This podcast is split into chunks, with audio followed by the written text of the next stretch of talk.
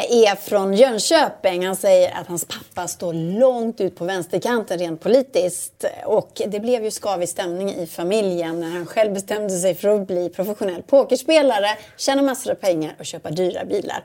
Erik Bergman han har blivit rik på nätkasinobranschen. Idag så vurmar han för välgörenhet. Han har startat bolaget Great.com och vill att hans rika kompisar, precis som han, ska skänka bort sina pengar. Där är du igen Erik. Du, det blev ju ett himla liv när du eh, pushade dina rika kompisar att ge bort sina pengar. Vad var det du gjorde? ja, men det var i, i höstas. Så egentligen så vill jag få mig själv att få tummen ur. Jag pratar mycket om välgörenhet men jag är inte så bra på att faktiskt ge bort pengar. Mm. Och då behövde jag så här, ge mig själv en morot. Så då sa jag det, okay, men jag ger, om jag får andra människor att ge bort pengar så ska jag ge bort lika mycket som alla de ger bort tillsammans. Mm. Och då tänkte jag, okej okay, vilka känner jag som har väldigt mycket pengar? Och så skrev jag en lista på alla dem för mig själv. Och så bara, okej, okay, men låt mig göra en utmaning till dem och göra det publikt. Så då skrev jag ett Facebook-inlägg där det stod “To my wealthy friends”. Eh, och så skrev jag någonting i stil med eh, jag behöver hjälp att pusha mig själv till att ge bort pengar. Jag lovar att dubbla allting som ni skänker till här upp till en miljon euro. Mm. Eh, och så var det till klimatfrågan. Och så, så taggade jag massa folk som har mm. mycket pengar. Och de bara what? Hur reagerar de? Alltså vissa blev skitsura mm. och andra blev skitglada. Eh, så att totalt så gick de som jag taggade in med ungefär 4,5 miljoner kronor. Mm. Eh, och några blev skitförbannade och skickade arga mejl och sa vad fan håller du på med? Mm. Eh, så jag brände några broar men det blev å andra sidan en hel del pengar som gick till klimatforskning. Så totalt drog den här kampanjen in eh, en miljon euro plus min miljon euro sen. Så det blev två miljoner euro till klimatforskningen och några brända relationer. Men är det värt att bränna relationer på det här sättet? Ja, alltså vi har bara ett jordklot. Jag bryr mig om relationen till den.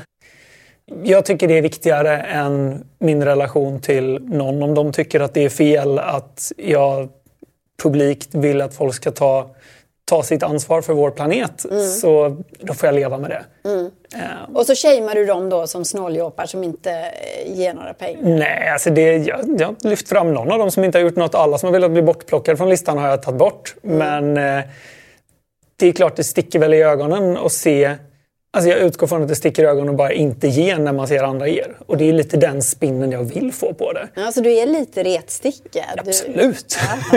Absolut. Alltså jag är medveten om att det är provocerande. Eh, men det händer ingenting annars.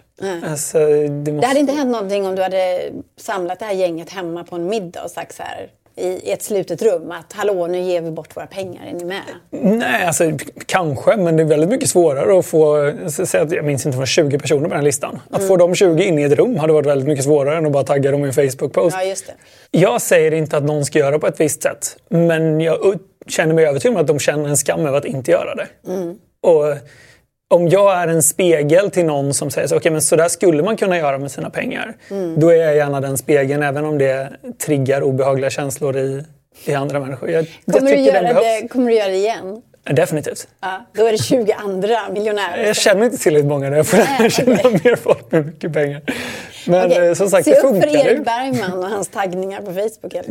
Ja, eller så här, var en generös person och försök hjälpa till.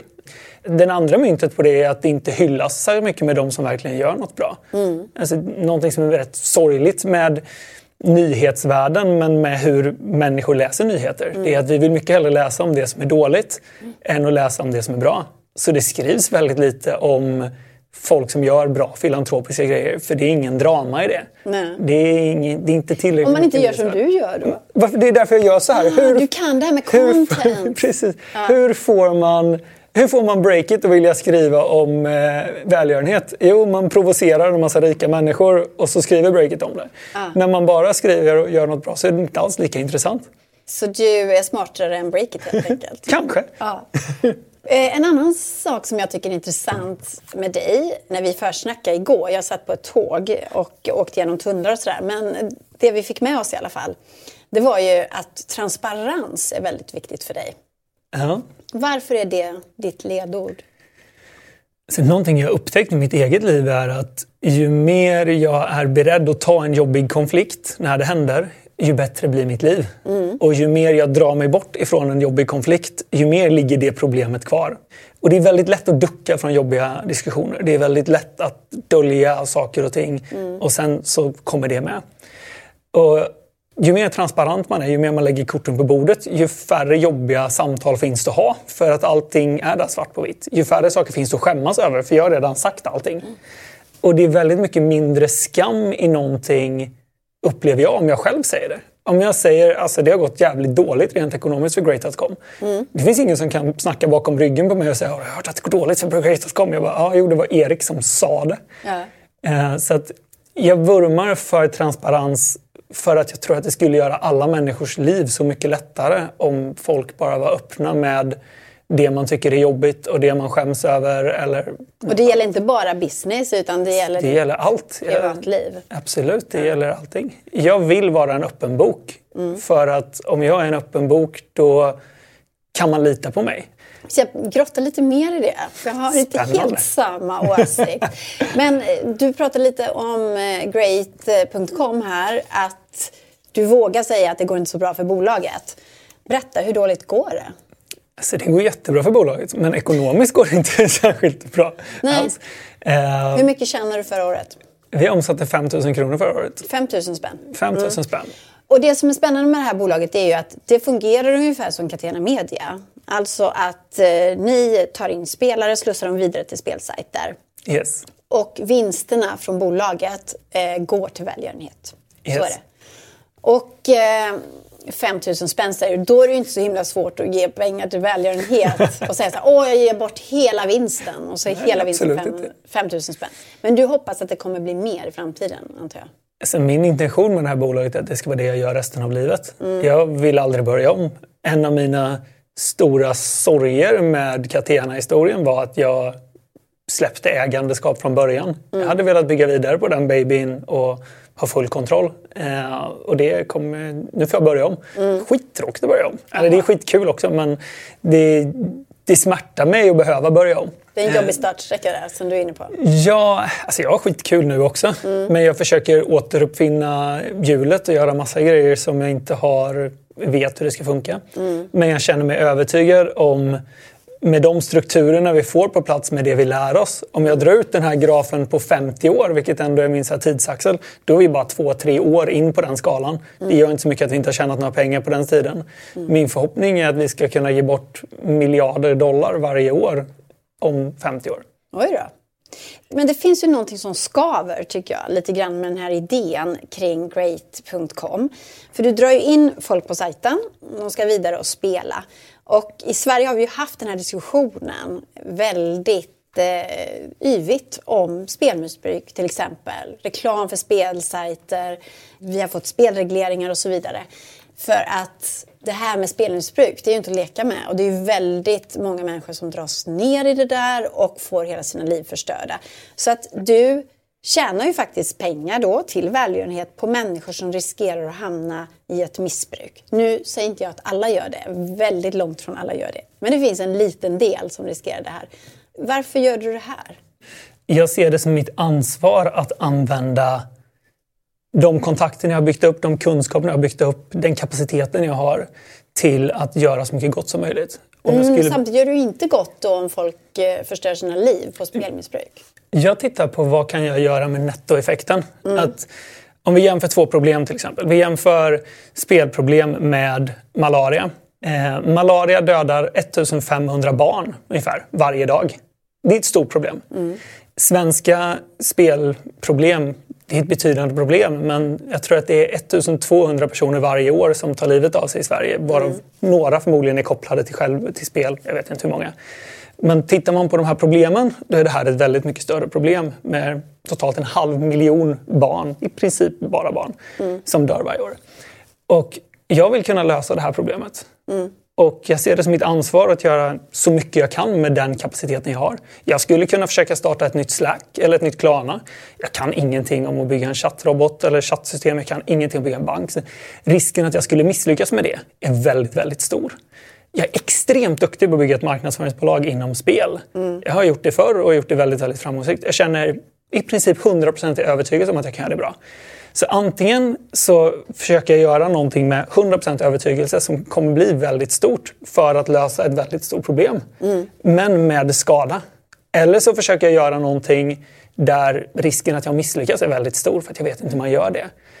Och om jag misslyckas så kan jag inte göra någon nytta här. Nej. Och då ser jag det som att jag gör mycket, mycket större skada med att försöka göra något annat. Och jag är helt med på det här kontroversiellt. Jag är helt med Ja. på att det är ett svårt sätt att titta på. Det är svårt för många att acceptera det synsättet. Men för mig handlar det mer om vad gör jag mest nytta, även om det blir skada?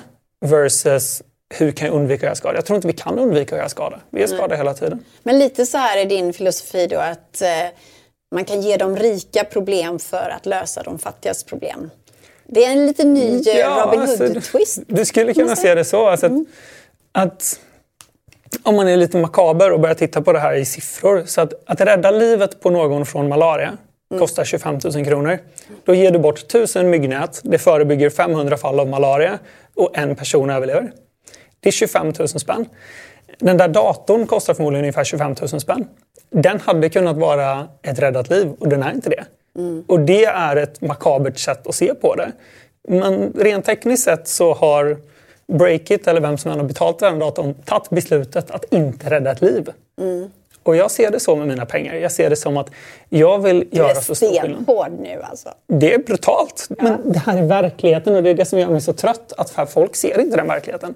Folk tänker att så länge jag inte är involverad så har jag inte gjort någon skada. Men ni har dödat ett barn genom att inte köpa en dator. Min dator har dödat ett barn. Alltså det är tyvärr den bittra, den bittra verkligheten. Och så här vill folk inte se på verkligheten. Men jag ser på verkligheten så. Men Här sitter Erik och bara filosoferar och tänker jättestort. Du jobbar ju mycket med personlig utveckling, eller hur? Det är en stor grej som du gör. Absolut. Du har ett Instakonto med 800 000 följare som vill lyssna på vad du säger om personlig utveckling. Då sitter du och har den här typen av resonemang i poddar till exempel och så. Ja, jag har 800 000 i alla sociala kanaler. Instagram är 430 Aha. någonting. Ja. Men det är väldigt mycket följare som vill lyssna väldigt på dig. Varför är det här med självutveckling då så spännande? Nej, men om, jag tror att jag kan öka min kapacitet genom att lära mig mer om hur funkar mina känslor, hur funkar min kropp, hur, eh, hur får jag mer energi, hur är jag lyckligare? Men också hur tar jag den här typen av beslut? Alltså om man tar om man räknar på att ett liv kostar 25 000 kronor, vilket är ett makabert sätt att räkna, men det är tyvärr så verkligheten ser ut. Om man har 500 miljoner på banken, då är det 20 000 liv jag har på banken. Och just Du kan ju inte gå omkring och tänka så här Erik. Du Det kommer är bli sjuk i huvudet av det. Det är därför jag håller på med personlig utveckling. Alltså, det är verkligheten. Ja. Jag har just nu 20 000 människoliv på mitt bankkonto som jag väljer att inte rädda.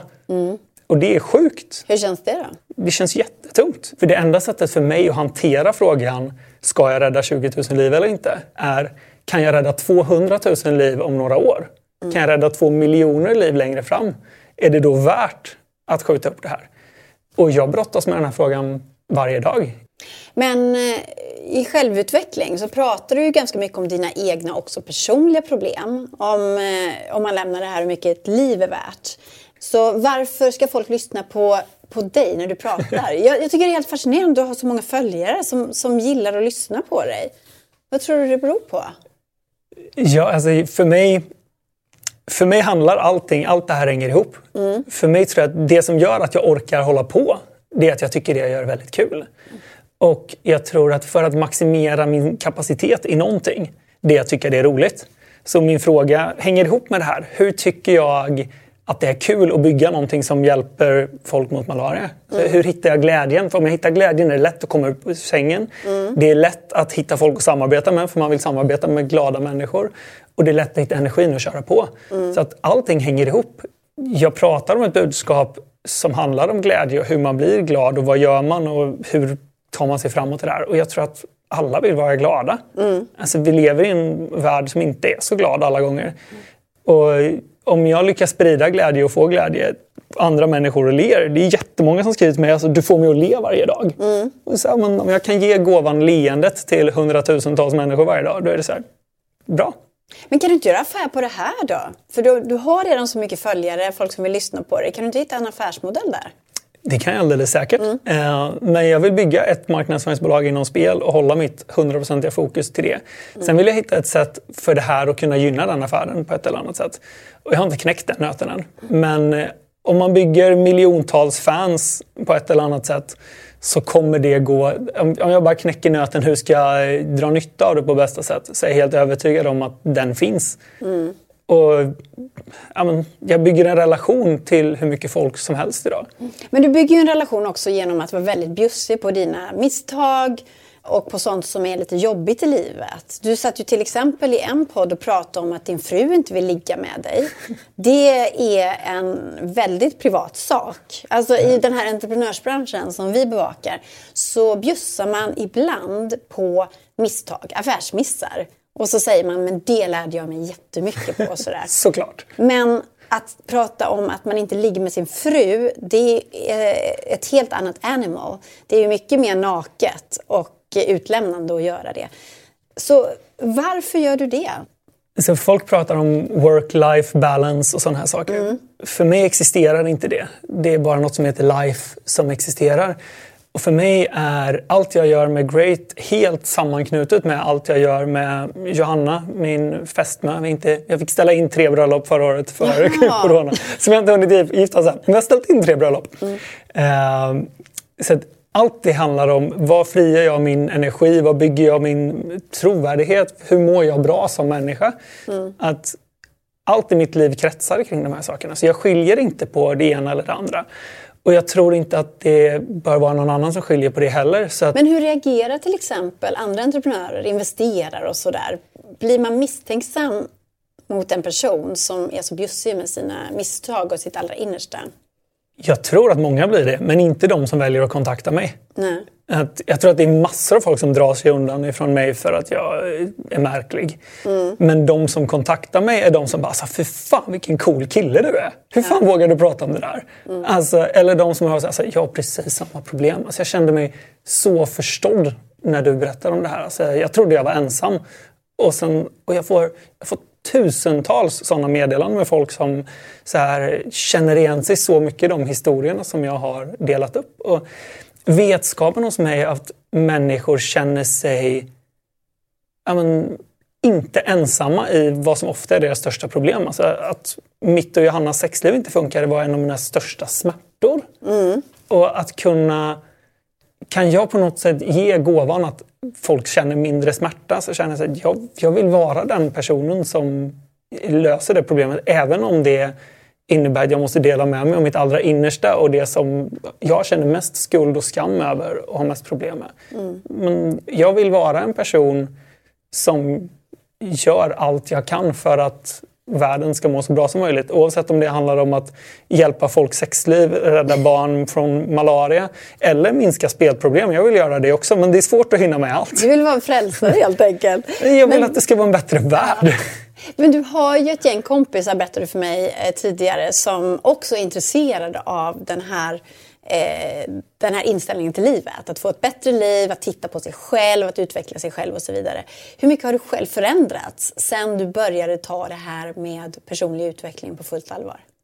Jag är en helt annan person skulle jag säga. Jag har förstått vad jag mår bra av och vad som skapar glädje. Mm. Så jag har mycket, mycket mer energi.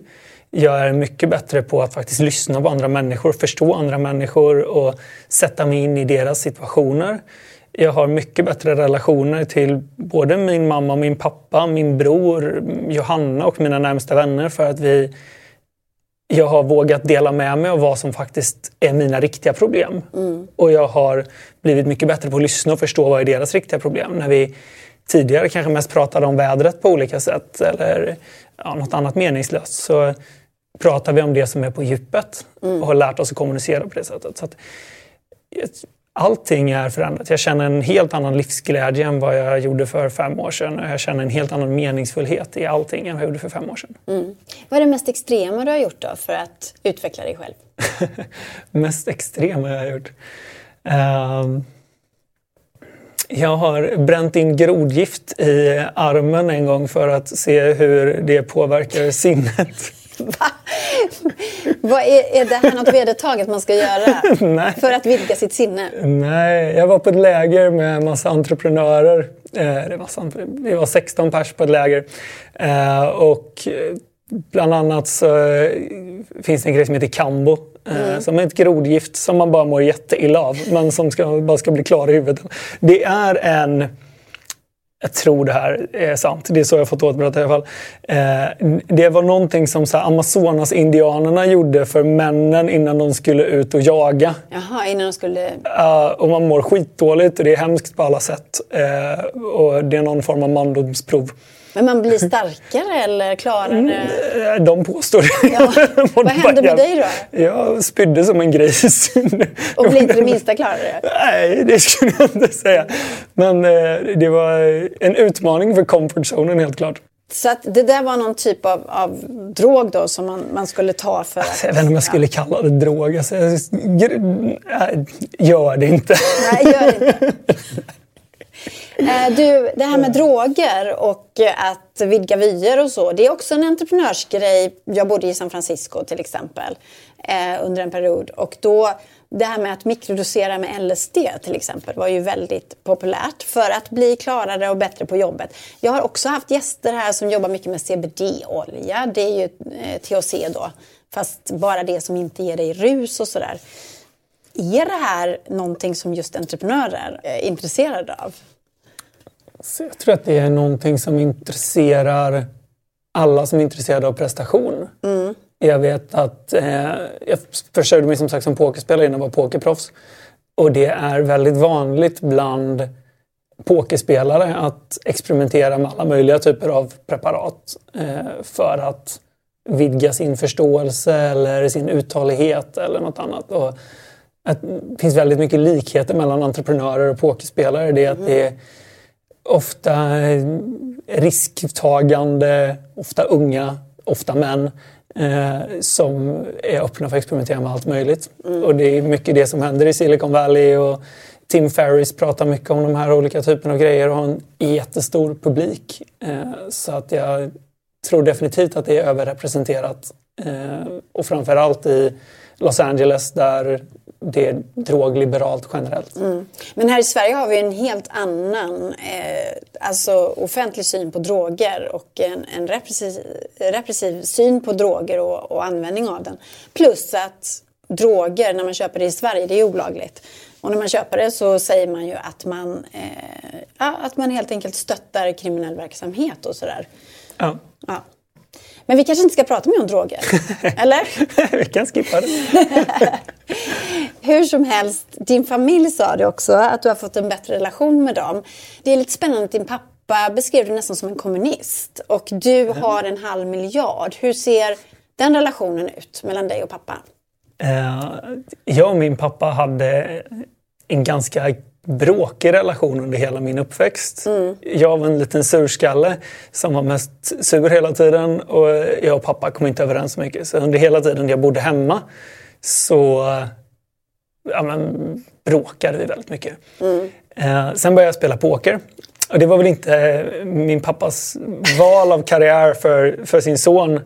Eh, han, han har skrivit dagbok i 40 år. Uh. Och ganska nyligen så satt vi och läste hans dagbok tillsammans. Eller pappa läste upp i sin dagbok om när jag hade börjat spela poker. Han hade hämtat mig på olika svartklubbar på nätterna och ville få mig till att sluta spela poker. Och det var inte så lätt och var väldigt orolig för det av förståeliga skäl. Mm. Uh, och vilka moraliska problem det var. Men någonstans på vägen så accepterade han ändå det och blev väldigt stöttande och började till och med spela poker själv för att han ville förstå. Då. Ja. Så att han började spela poker för att han tyckte att okej, okay, men om Erik gör det här då vill jag förstå det. Mm. Och någonstans på vägen skiftade det och han blev väldigt, väldigt supportande. Och Det gällde även när Catena skulle börsnoteras. Då satt han och läste på om alla våra investerare som vi hade mm. möten med och pitchade allting till mig i förhand. Bara, ja, nu ska du in och träffa Sven Hagströmers son. Han representerar det här, gör det här, det här. Så han, blev, han, han, kommer, han har en väldigt vänsterdriven bakgrund och mm. kallar sig själv kommunist. Du fick pappa Men, kommunisten att intressera sig för börsnotering. det, det är jättebra gjort. Ja, men pappa är fantastisk. Vi, vi har en jätte, jättefin relation eh, idag. Vi har hämtat igen allt det som inte gick så bra under tonåren. Mm. Och han är väldigt stöttande i allting jag håller på med. Mm. Nu har ju du precis flyttat hem till Stockholm och snön. Eh, och eh, du bodde på Malta i tio år. Jag frågade innan, bodde du på Malta för att slippa betala skatt? För det är ju här, det här, du ger pengar till välgörenhet men du betalar inte skatt. Så jag flyttade till Malta när jag tjänade 10 000 kronor i månaden och var 22 år gammal. Så det var inte så mycket skatteplanering med det. Eh, sen ska jag inte säga att det inte är tilltalande att stanna på Malta för att det var de skatterna som, som var. Mm. Det var definitivt en del av kalkylen men det var absolut inte därför jag flyttade dit. Det var alldeles mycket dyrare att flytta dit än vad det var i skatt jag tjänade in.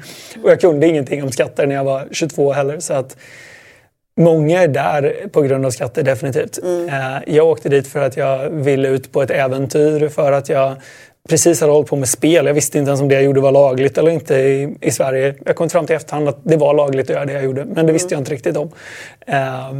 Så att jag hamnade där för att jag ville ut på äventyr och stannade delvis för skatterna men mycket mer för solskenet och människorna och livsstilen som är där nere. Mm.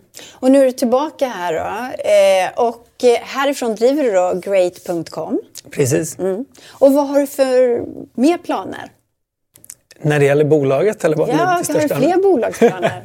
Nej, jag vill inte ha några mer bolagsplaner i, i, hela mitt liv. Jag vill bygga ett bolag och så vill jag bygga det så stort som det bara går. Ja. Och det är en så här, långsiktig dröm. Och jag har en, en, helt annan vansinnig dröm kanske när det gäller eh, att bo i Sverige. Så här, det är att jag vill skapa, en, jag vill skapa Bullerbyn jag vill Va? ha hus till mig själv och mina närmsta vänner och min familj inom samma lilla område. Mm. Eh, och kunna bygga någonting för de människorna som verkligen ligger mig varmt om hjärtat. Och kunna ha ett kontor där och allt annat runt omkring för att skapa vad jag tror är ett mycket bättre sätt att bo än den här eh, jag vet inte om tvåsamhet är rätt ord, men en familj här, en familj, ja. en familj här. Alla ska ta hand om sina egna barn på eget håll. Något mer byliknande. Ja, så kan man ta hand om sina barn. Du hämtar på dagis idag. Ja, men mer ja. så. Liksom. Och ut och leka på gården där det faktiskt är ungar. För det är inga ungar på lekplatserna idag. De mm. sitter hemma med sina iPads. Eh, det här är ju mer livsstil då än business, men det är det, det som är ihop. jätteviktigt för dig. Ja. Ja, det, alltså för mig hänger det ihop. Om jag mår väldigt bra i själen, om min familj mår bra, om mina vänner mår bra, då kommer jag må bra och jag kommer kunna prestera mycket högre.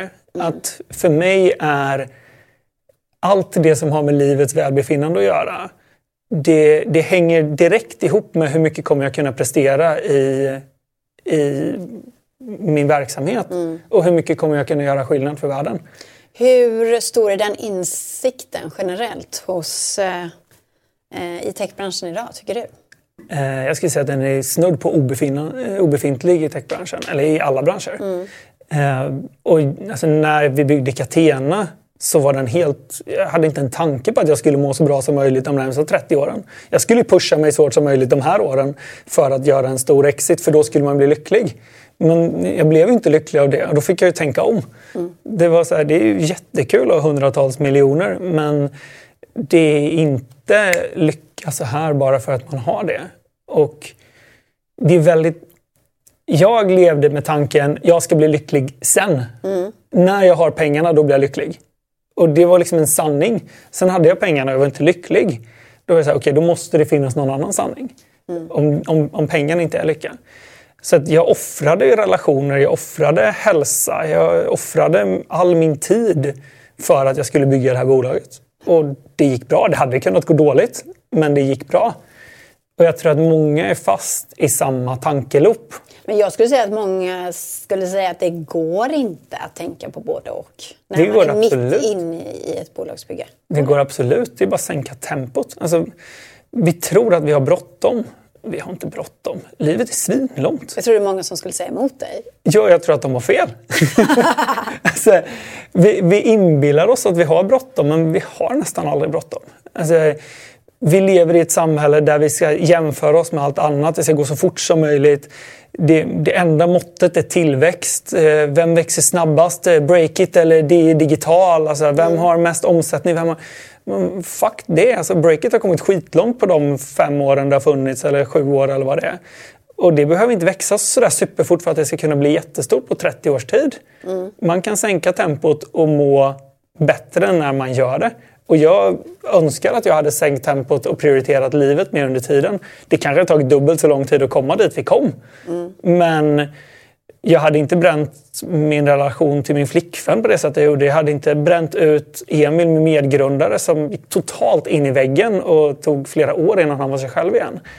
Om vi hade sänkt tempot och vi hade fortfarande kunnat bygga ett jättestort bolag. Mm. Så jag tror absolut inte man behöver ha så bråttom som vi har. Det är därför jag sitter med Great två, tre år in. Vi omsätter 5 000 spänn och jag känner så här Alltså det här kommer bli så jävla bra. Ja, ja. Alltså det kommer bli så bra. Så men du skyndar långsamt? Ja, alltså jag, jag skyndar stabilt. Mm. Jag känner att om 10-20 år kommer det här vara ett sånt kraftbygge. Och då är det okej okay att det är så här och då har du ju kul på vägen. Ja, skitkul! Alltså, jag älskar livet. Jag tycker livet är så jävla roligt. Innan du kom in här så visade du mig eh, vad du gjorde i morse. Grejen är ju så här att du eh, fyller år idag. Jag fyller år ja. idag. 33 år, grattis! och du gick ut på din sjö där och gjorde en snöängel. Ja. ja. Så firade du födelsedagen. En jättefin snöängel ja. gjorde jag. Men hur tänker du fira då? Alltså nu firar du med att sitta här hos mig Ja, jag firar med att sitta här med dig. Eh, jag har eh, varit ute och ätit finlunch med min fästmö och mm. Eh, jag har fått ett våffeljärn och en kaffemal i födelsedagspresent så att vi ska hem och mala eget kaffe och Johanna har lovat att göra våfflor till mig. Så att vi ska fira med hemmalt, nybryggt kaffe och eh, nygjorda våfflor. Hon har till och med sagt att hon ska göra våffelsmeten från scratch. Vilket jag inte visste att man kunde göra. Jag trodde man var tvungen att köpa den. Mm. Det är det här, det här genuina livet då som lever. Ja, så ska vi blicka ut över ja. naturen. Kanske gå ut och göra en annan Kanske ut och göra en snöängel. Du, men är du redo för några tittarfrågor innan du drar iväg på det där? Ja, kör. Vi har fått många. yes. eh, Mats undrar, hur är det att jobba med Henrik Persson Ekdal?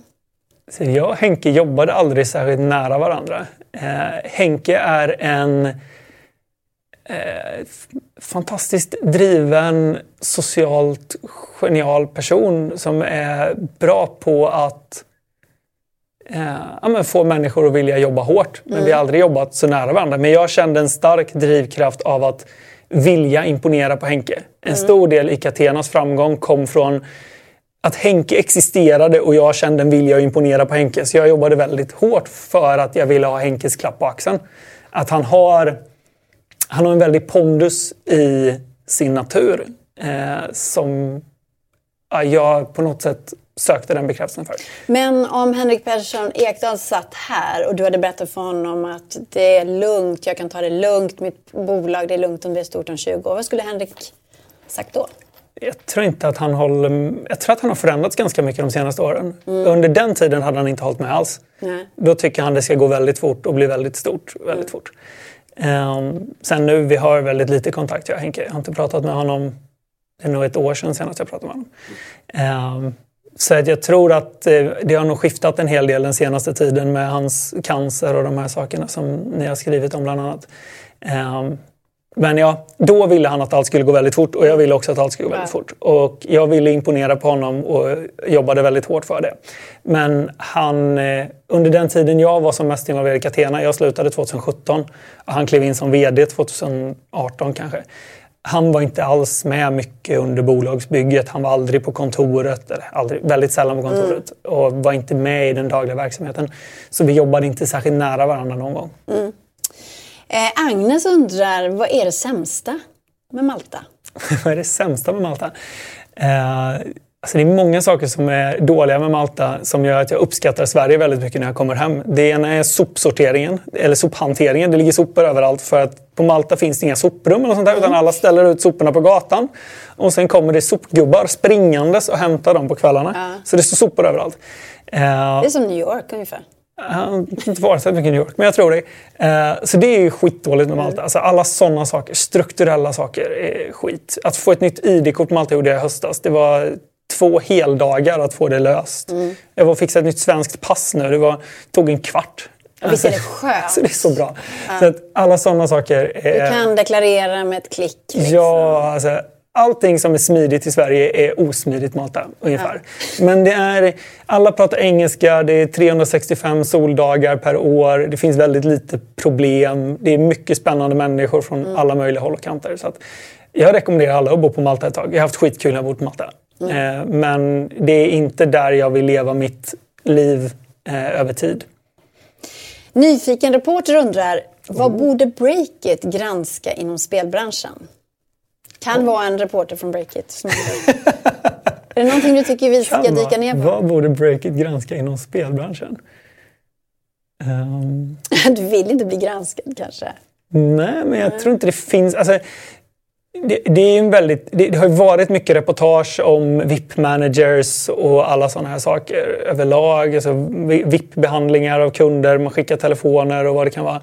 Så jag tror att det mesta av spelbranschen som så här bör granskas har granskats. Eh, Det är ingenting som dyker upp som är en så här spännande vinkel där det inte har tittats direkt. Eh, Ulf B då, nästa fråga. Finns det någon baksida med att sticka ut och prata om pengar? Ja, definitivt. Eh, Den största baksidan som jag är rädd för men som jag inte haft några problem med är att någonting ska hända med min familj eller för folk omkring mig. Det är ändå en rädsla som finns i mig. Att det ska bli inbrott eller någon kidnappning eller något sånt där. Det, det är en av de största rädslorna jag bär på.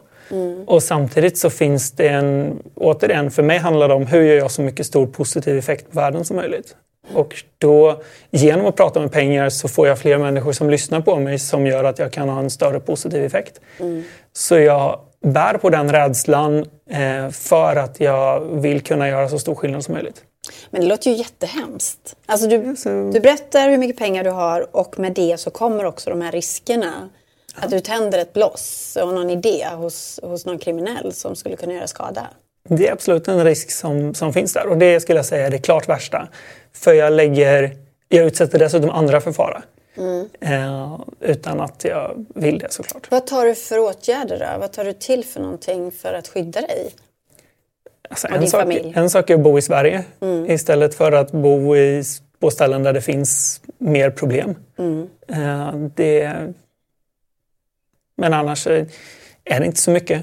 Alltså, än så länge har jag inte haft några problem men det är en rädsla som finns där. Ja. Bara så att jag aldrig har tänkt på att det är klart att man är rädd för det om man har mycket pengar. Absolut. Det har jag aldrig tänkt på. John undrar, investerar Erik något i den svenska marknaden eller tittar han utanför den? Jag investerar bara i indexfonder i princip. Eh, och jag gör det för att jag tycker det är för svårt att göra startup-investeringar. Jag har gjort 5-10 olika investeringar i olika startups och det har mest gått skit. Eh, och det tar mycket mer tid än vad jag har tänkt mig och eh, jag tycker inte det är så kul. Så att eh, nu investerar jag i princip uteslutande i indexfonder, låter mina pengar ligga där och lägger all min tid och energi på Great istället för att investera. Mm. Olivia undrar, eh, Kindred avslöjar hur många problemspelare de har, 4,3 procent, med en nollvision. Tror Erik att spelbranschen kommer kunna bli av med problemspelare? Jag tror inte att man kan bli av med det helt och hållet. Det tror jag är väldigt, väldigt svårt. Men jag tror definitivt att det går att göra många saker bättre än vad som är gjorts. För att än så länge har man jobbat med att få fram så många problemspelare som möjligt snarare än att bli av med dem. Hur menar du då? Nej, Men alltså, det man har gjort är ju hur maximerar man vinsten, inte hur tar man hand om individen. Eh, och det går att göra väldigt, väldigt mycket. Sen så så länge det inte finns ett system som håller koll på alla svarta sajter runt omkring, i, alltså svarta sajter som i illegala sajter. Mm. Så länge det inte finns ett system som håller koll på exakt hur mycket pengar du satt in på varje sajt så kommer du aldrig kunna skydda dig helt och hållet mot problemspelare som verkligen vill. Men det går att få ner siffran från 4,3 till långt mycket lägre om man anstränger sig för det. Mm, så nollvisionen, den tror du på? Alltså, precis med nollvisionen om att det ska gå att få noll döda i trafiken. Mm. Den, den, är teoretiskt möjlig, men den är väldigt svår. Mm. Men mindre än 4,3 procent då? Definitivt ja. mindre än 4,3. Loa undrar, eh, hon skriver, Erik missade att investera i Klarna. Har han gjort fler missar av den typen? Nej, alltså jag, höll, jag, var väldigt intresserad av bitcoin tidigt och gick ändå inte in i det. Alltså Emil som jag startade Catena med, han köpte bitcoin för 500 kronor jättetidigt. Sålde för 60, 60 000 när de hade gått upp en massa och de hade nog varit värda han är 6 miljoner Så han gick in för 500 spänn supertidigt. Men nej, annars är det inga, inga direkta supermissar jag har gjort. Men jag har som sagt inte gjort så mycket. Jag har inte gjort några succéskott heller. Jag har inte jag har inte gjort en enda riktigt bra investering i startup-svängen heller så att det, det, är inte så mycket att skryta med. Anna undrar, du har, du har ju bra koll på spelbranschen där Trustly är en stor underleverantör. Vad tycker du om Trustly?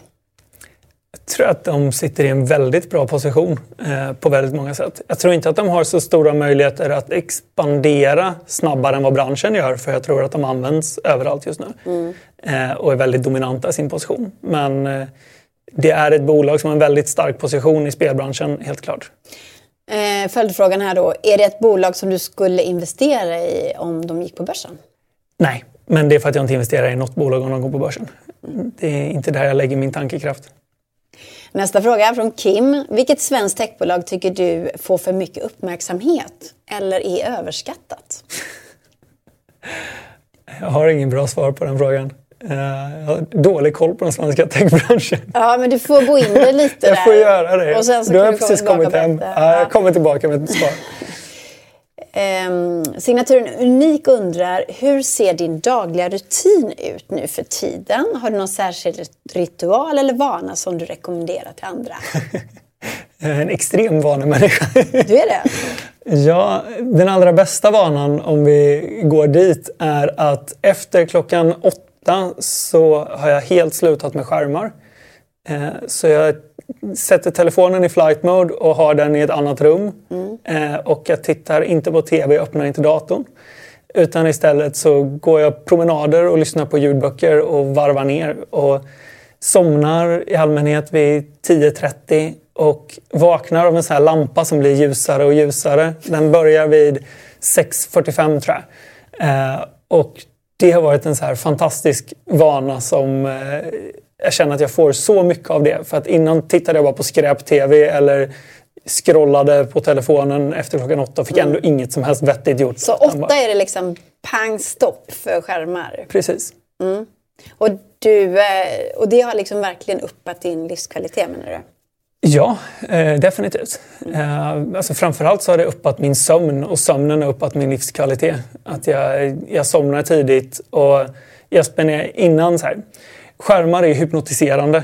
Vi kan ju sitta och titta på någonting som rör sig hur länge ja, som helst. Ja. Det är därför det är så svårt att gå på en restaurang och se en fotbollsmatch på. Jag tycker inte ens om fotboll och ändå sitter jag och tittar på den jävla fotbollsmatchen. Det kan vara en repris från 95 men jag kollar ändå.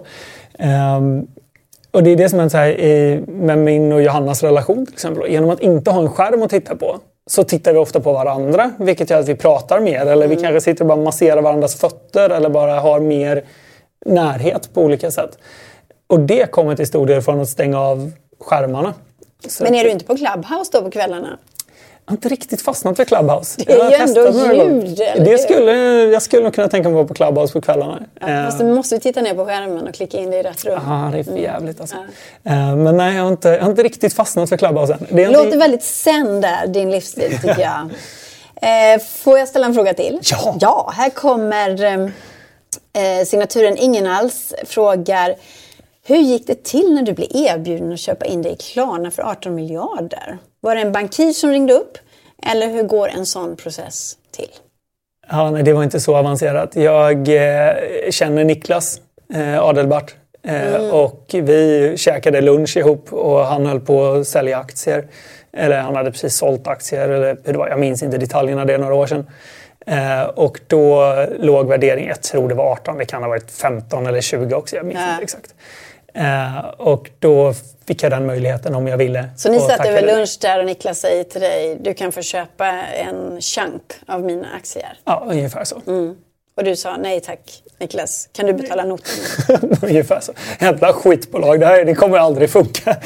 Blev han sårad då när du inte ville köpa en Nej, aktie? absolut inte. Det blev han inte. Nej, alltså han hade, precis, han hade precis sålt någon annan aktiepost till någon annan och sen satt vi och pratade om det. Och, eh, ja, jag minns inte detaljerna, men ungefär så gick det till. Här kommer en rolig fråga från Alm. Vilka fler entreprenörer var på det där grodgiftslägret? och var var det någonstans? Eh, det var i Italien, det var inte ett grodgiftsläger. Eller det var eh, personlig utveckling, spiritualitet, yoga eh, nere i södra Italien. Och det var inga svenskar alls, tror jag inte. Det var nog bara jag som var svensk. Som med. Jag och min flickvän. Eh, och sen blandat folk, inga kända namn direkt. Men vad tycker du om sådana här entreprenörsläger? För de är ju ganska poppis. Eh, man ska åka till Thailand och umgås och prata entreprenörskap och man ska göra ditten och datten. Är det bara ett sätt för de som arrangerar det här att tjäna pengar på dumma entreprenörer? Eller är det någonting som är verkligen bra? Jag tror att det är jättebra. Alltså, det är en, Fast man ska undvika grodgift kanske. Alltså man kan ju testa. Jag, är en, jag vill inte dö nyfiken. Så att jag, jag är öppen för grodgift. Om någon, om någon, eh, första gången är jag öppen för grodgift. Jag gör inte om det. Ehm, jag tror att det är jättebra att åka på den typen av läger. Om inte annat så bara för att omge sig med likasinnande och med den energin som finns bland entreprenörer. Eh, och att bara de samtalen som dyker upp, de idéerna som kommer. Att hänga två månader på Bali med IT-folk skulle vara skitkul. Liksom. Att Vad man än gör bland likasinnade tror jag nästan alltid är värt det. Det bara rullar in fler frågor. Är du game eller? Ja, ja, vi vi har på jättelänge. Jag ska Eh, ingenstans. Saga undrar, fråga till Erik, är han troende? Eh, nej, eller ja, det beror på vad man menar med troende. Jag är inte på något sätt... Eh, Du kommer från Jönköping, de gillar Jesus i Jönköping, det är mycket frikyrkor. Nej, jag- Troende på Jesus? Nej, absolut inte. Jag är inte religiös i någon eh, form av... Eh, det finns ingen bok för min form av religion i så fall. Däremot så tycker jag att det, det känns lite för lätt att allt bara skulle vara slump. Eh, jag, känner så att när livet tar slut så kan det inte bara bli svart. Jag tycker det känns för lätt. Och jag tycker att... Jag känner en fast övertygelse om att världen på ett eller annat sätt vill mig väl. För tittar jag bakåt på min historia så känner jag att alla de situationer som hänt som varit riktigt jävliga på olika sätt är jag väldigt, väldigt tacksam för idag. Och då känns det lättare att tänka att nej men eh, jag, anledningen till att eh, mitt eh, bandylag skrek du är bög, du är bög, du är bög till mig i omklädningsrummet. Jag satt och grät var att jag skulle kunna ha den historien och berätta på olika sätt och kunna relatera till andra ungdomar som har haft det jobbigt. Men jag visste inte det då. Men idag så är jag jättetacksam för den upplevelsen. För att det var en väldigt jobbig eftermiddag och den har hjälpt mig att knyta an och kunna hjälpa många människor som har det jobbigt. Eh, och tittar jag tillbaka på mitt liv så tycker jag att allting hänger ihop för bra för att det ska vara slump. Och sen kanske jag bara vill att det ska se ut så. Och sen om man vill kalla det religiös eller något annat, det låter jag vara upp till var och en. Men jag tycker det känns för lätt för att det ska vara slump och jag har haft för mycket tur för att det ska vara slump. Det, någonting finns det som vill mig väl i det här livs-tv-spelet. Intressant. En sista fråga. Nu vi har varit vi. inne och nosat på den, men Clemens undrar hur är great förenligt med att göra gott när syftet är att göda en i grunden rutten industri, påstår han. Ja, men man kan se det som en i grunden rutten industri. Jag köper det. För mig handlar det om, återigen, hur gör jag maximalt mycket nytta? Och vi behöver inte gå in på matematiken just nu, men när jag har tittat på det här för mig själv, hur mycket skada tror jag det här bolaget gör versus nytta det här bolaget gör? Mm. Så är min kalkyl, utan att gå in på detaljer, men ungefär 15 000 gånger mer nytta än skada. Du har verkligen räknat ut. Jag har verkligen räknat. Alltså jag är en matematiskt lagd person som gillar data. Och I korthet så bygger det på att jag har försökt uppskatta hur mycket, hur mycket skada skapar en krona genererad i spelbranschen versus hur mycket nytta kan den kronan göra om den flyttas någonstans där den behövs väldigt, väldigt mycket. Mm. Och den matematiken jag kommit fram till, vilket är ja, jag köper helt och fullt, så är det 15 000 gånger mer. Och om jag har räknat fel på 100 gånger, vi säger att jag är 99 procent ute och cyklar, ja. då blir det fortfarande en helt okej okay kalkyl på 150 gånger mer mm. som jag tycker är värd att göra. Och som jag, jag kan inte moraliskt för mig själv göra något annat. För jag kan inte hitta på något annat sätt där jag tror jag kan göra den nyttan. Så, att, så enkelt är det, även om det kanske inte låter så enkelt. Så enkelt är det. Erik Bergman, tusen tack för att du kom hit och berättade och gjorde det så öppet och ärligt. Och det är ju din födelsedag idag, så grattis igen. Tack så hjärtligt, tack så hjärtligt och tack för att jag fick komma hit. Jättekul! Hörni, vi stänger dörren där till Break It Live för den här veckan. Nordea och Almi Invest är våra sponsorer. Se oss igen nästa vecka om ni vill. Akta er för grodgift. Vi ses!